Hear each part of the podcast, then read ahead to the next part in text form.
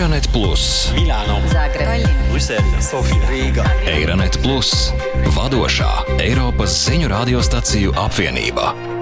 Saprast Eiropu labāk! Labdien!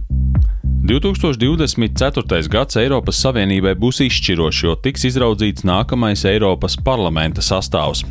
Eiropas parlamenta vēlēšanās, kas notiks no 6. līdz 9. jūnijam, Eiropas Savienības pilsoņiem būs iespēja izvēlēties savus pārstāvjus nākamajiem pieciem gadiem. Aizējošais Eiropas parlaments ir saskāries ar agrāk nepieredzētiem izaicinājumiem. Daži no tiem bija zināmi, piemēram, nepieciešamība mazināt klimata pārmaiņas un pielāgoties tām, kā arī arvien pieaugušā mūsu dzīves digitalizācija, tostarp mūsu sarežģītās attiecības ar mākslīgo intelektu. Taču ir bijuši arī negaidīti izaicinājumi, proti Covid-19 pandēmija un tai sekojošā ekonomiskā krīze, nemaz nerunājot par Krievijas pilna mēroga iebrukumu Ukrainā, tā izraisīto energoapgādes drošības krīzi un Eiropas Savienības apņemšanos atbalstīt Ukrainu. Ņemot vērā visus šos izaicinājumus, mums rodas jautājums, ko Eiropas iedzīvotāji sagaida no Eiropas Savienības un ko Eiropas Savienība reāli var darīt viņu labā. Ņemot to vērā, Eiropas ziņu radiostaciju tīkls Euronet Plus uzsāk jaunu raidierakstu sēriju, kam ir dots nosaukums Vai Eiropas Savienība to spēj? Tā pirmajā sērijā uzzināsiet, ko Eiropas iedzīvotājiem nozīmē Eiropas Savienība, ko viņi no tās sagaida un ko tā var un ko tai vajadzētu darīt viņu labā. Mēs secinājām, ka visās 27 Eiropas Savienības dalībvalstīs iedzīvotājiem ir ļoti līdzīgas raizes un prioritātes, taču jāņem vērā, ka viņus ietekmē katras valsts īpašie apstākļi. Loģiski, ka piemēram Baltijas valstis, ņemot vērā to geogrāfisko novietojumu, ir īpaši nobežījušās par Krieviju. Savukārt Bulgārijā un Rumānijā joprojām aktuāls ir jautājums par pievienošanos Schengenas zonai. Bet Portugālei, kas ir cietusi no postošiem mežu ugunsgrēkiem un citām ar klimatu saistītām katastrofām, klimata pārmaiņas rada vislielākās raizes, domā valsts otras lielākās pilsētas portu iedzīvotāja Izabela Barroza. Nós temos uma guerra na Europa, outra guerra na Ásia, outra guerra não sei aonde. Eiropā notiek karš, vēl viens karš Āzijā, vēl viens karš nezinu kur. Mums ir vajadzīgi ticami projekti, kas varētu kaut ko mainīt, un es godīgi sakot, neredzu nevienu. Klimata pārmaiņas mani ļoti uztrauc. Mēs katru dienu redzam, ka klimats radikāli mainās un tas ietekmēs cilvēkus un dabu. Nākamās paudzes maksās par to, ko mēs darām šodien. Nós, nós estamos aqui agora a fazer. Līdzīgi domā arī kāds Beļģijas iedzīvotājs, kurš pirmo reizi balsos Eiropas parlamenta vēlēšanās. Euh. Noteikti klimats un arī ekonomiskā krīze, es domāju. Šīs divas lietas ir prioritāras, bet vienkārši risinājumu šīm sarežģītajām problēmām patiešām nav. Diemžēl jūs nevarat vienkārši pakustināt mazo pirkstiņu un visu ātri uzlabot. Neraugoties uz daudzajiem aicinājumiem veikt konkrētus pasākumus cīņā pret klimata pārmaiņām, pēdējā gada laikā ir pieaugusi neapmierinātība ar Eiropas Savienības tiesību aktiem, kas ir izstrādāti, lai risinātu klimata problēmas, bet kam ir ekonomiska ietekme uz uzņēmēju darbību. Ekonomiskās krīzes laikā atkārtojas jautājums, vai īstermiņa grūtībām ir jābūt svarīgākām par ilgtermiņa prioritātēm. Eiropas ekonomika pēdējo pāris gadu laikā noteikti ir zaudējusi tempu. To galvenokārt noteica augstā dzīves dārdzība, vājā globālās ekonomikas izaugsme, kas mazinājusi ārējo pieprasījumu un stingrāka monetārā politika. Pandēmijas laikā mēs arī uzzinājām par liberālās globalizācijas robežām, jo esam ļoti atkarīgi no tādu strateģiski nozīmīgu produktu kā medikamenti un svarīgākās rūpniecības izēvielas importa. Gan Eiropas institūcijām, gan valstu valdībām ekonomiskās krīzes pārvarēšana būs izšķirošais faktors, kas noteiks, vai tās attaisnos savu pilsoņu cerības. Ielās ir dzirdams, ka ekonomiskā krīze daudziem iedzīvotājiem šogad ir galvenā prioritāte. Viņu vidū ir arī 53 gadus vecais Slovenijas galvaspilsētas Ljubljanas iedzīvotājs Aleksandrs. Jaz mislim, da je največji izziv predvsem uh, razvoj trdnega in dinamičnega gospodarstva. Manuprāt, lielākais izaicinājums ir attīstīt spēcīgu un dinamisku ekonomiku. Es domāju, ka Eiropas Savienība varētu būt aktīvāka šajā jomā, un tas atspoguļojas visā Eiropas ekonomikā. Arī eiro starptautiskās lomas stiprināšana. Manuprāt, tas ir ļoti svarīgi, ņemot vērā ASV un Austrumu valstu ietekmi. Pašlaik visā Eiropas Savienībā notiek plaši lauksaimnieku protesti. Viņi uzskata, ka nesaņem taisnīgus ienākumus par smagu darbu un ka viņu vērtība bieži netiek atzīta. Turpmāk Eiropas un valstu vadītājiem būs jāatrod pareizais līdzsvars starp nodrošinātību ar pārtiku, primārā sektora saglabāšanu, būtisku enerģētikas pāreju un ilgspējīgu attīstību. Ja viņiem tas neizdosies, viņi riskē atvērt durvis populistiskām partijām, kas piedāvā vilinošus īstermiņa risinājumus. Jau tagad daudziem satraukumu rada galēji labējo spēku popularitātes pieaugums, stāsta rumāņu uzņēmējs Stefans Cints. Ne temem sincer de escaladarea asta. Mēs patiesi baidāmies no šīs galēji labējo spēku eskalācijas. Tas notiek ne tikai Eiropā, bet visur. Paskatieties, kas notiek pāri okeānam.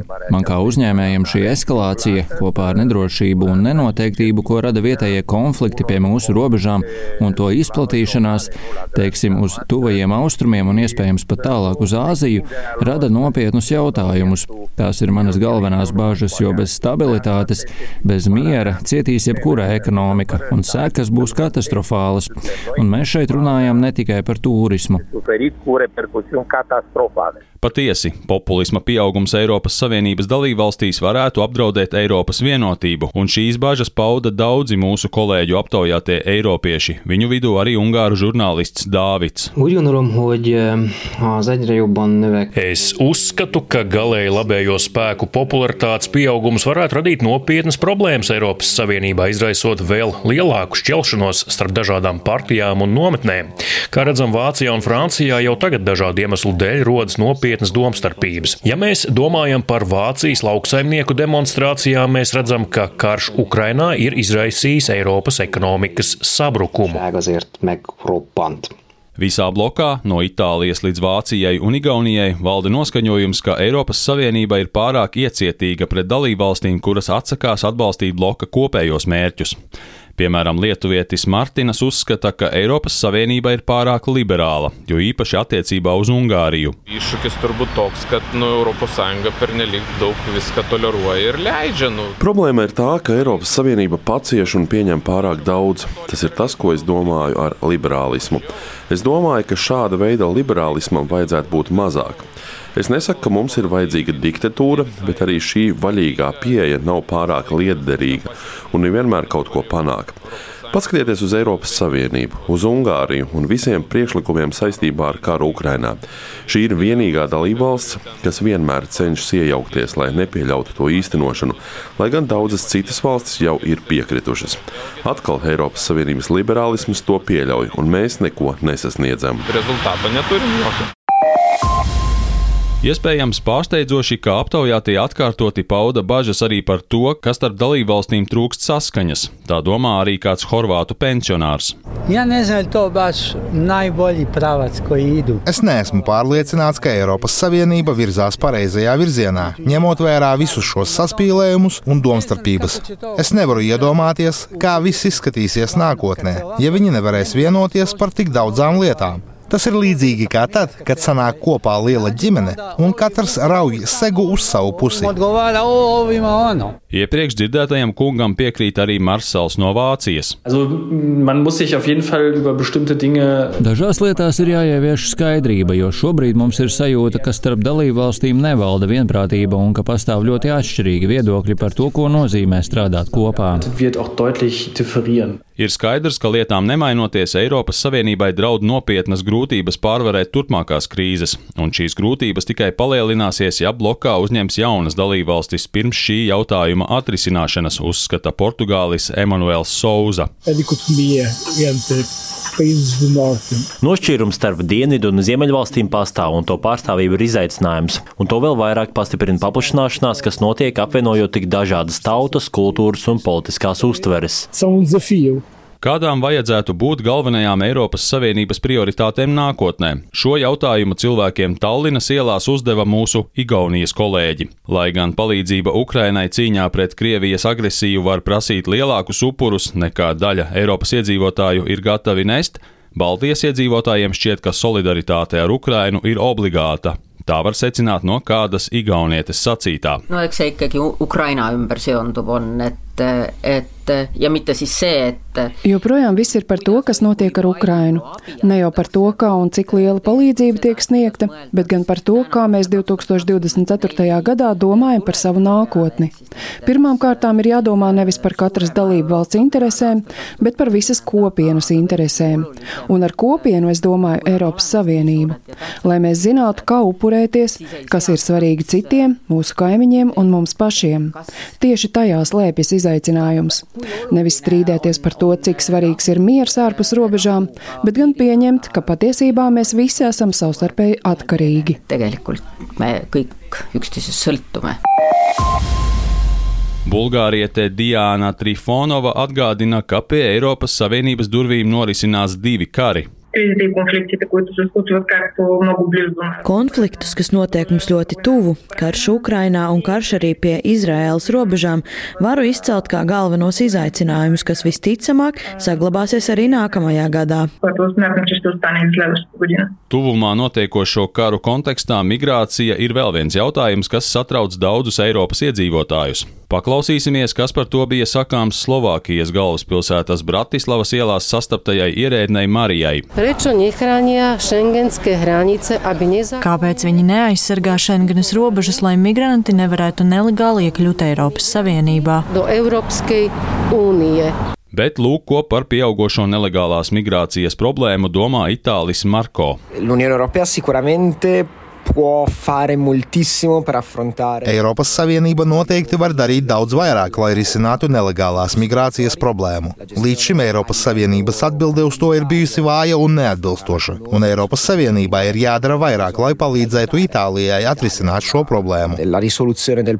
Marko arī uzskata, ka Eiropas Savienībai ir vajadzīga ciešāka integrācija, ja tā vēlas uzņemties lielāku ģeopolitisko lomu pasaulē.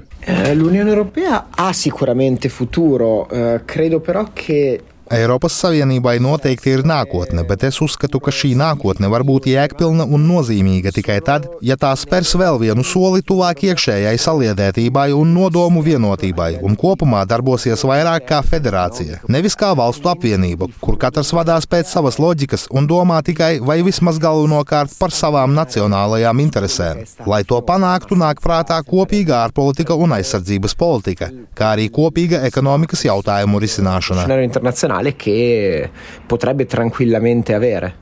Vieniem par nožēlu, bet citiem par atvieglojumu Eiropas Savienības rīcība, protams, ir ierobežota ar līgumos piešķirtajām pilnvarām. Atgādinām, ka Briseles galvenās ekskluzīvās kompetences jomas ir muitas savienība, konkurences noteikumi un kopējā tirdzniecības politika. Attiecībā uz ekonomikas, nodarbinātības un sociālo politiku tā dalās savās pilnvarās ar dalībvalstīm un var palīdzēt nodrošināt to savstarpēju koordināciju. Savukārt aizsardzības un ārpolitikas jomā Eiropas Savienības darbību raksturo ierobežota Eiropas komisijas un parlamenta līdzdalība. Tomēr daudzi eiropieši cer, ka dalībvalstis vienosies stiprināt Eiropas aizsardzību. Situācija varētu kļūt vēl steidzamāka, ja par ASV prezidentu atkal kļūs Donalds Trumps, kurš jau iepriekš ir paudis nepatiku pret NATO. Turpmākajās sērijās mēs padziļināti pētīsim visus šos jautājumus, tiekoties ar darba ņēmējiem, uzņēmējiem un citām ieinteresētajām personām un salīdzinot viņu viedokļus par Eiropas Savienību ar ekspertu viedokļiem. Kopā noskaidrosim, ko Eiropas Savienība var un ko tai vajadzētu darīt jūsu labā.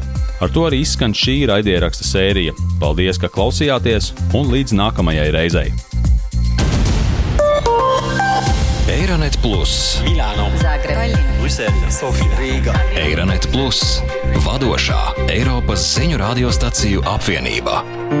Saprast Eiropu labāk!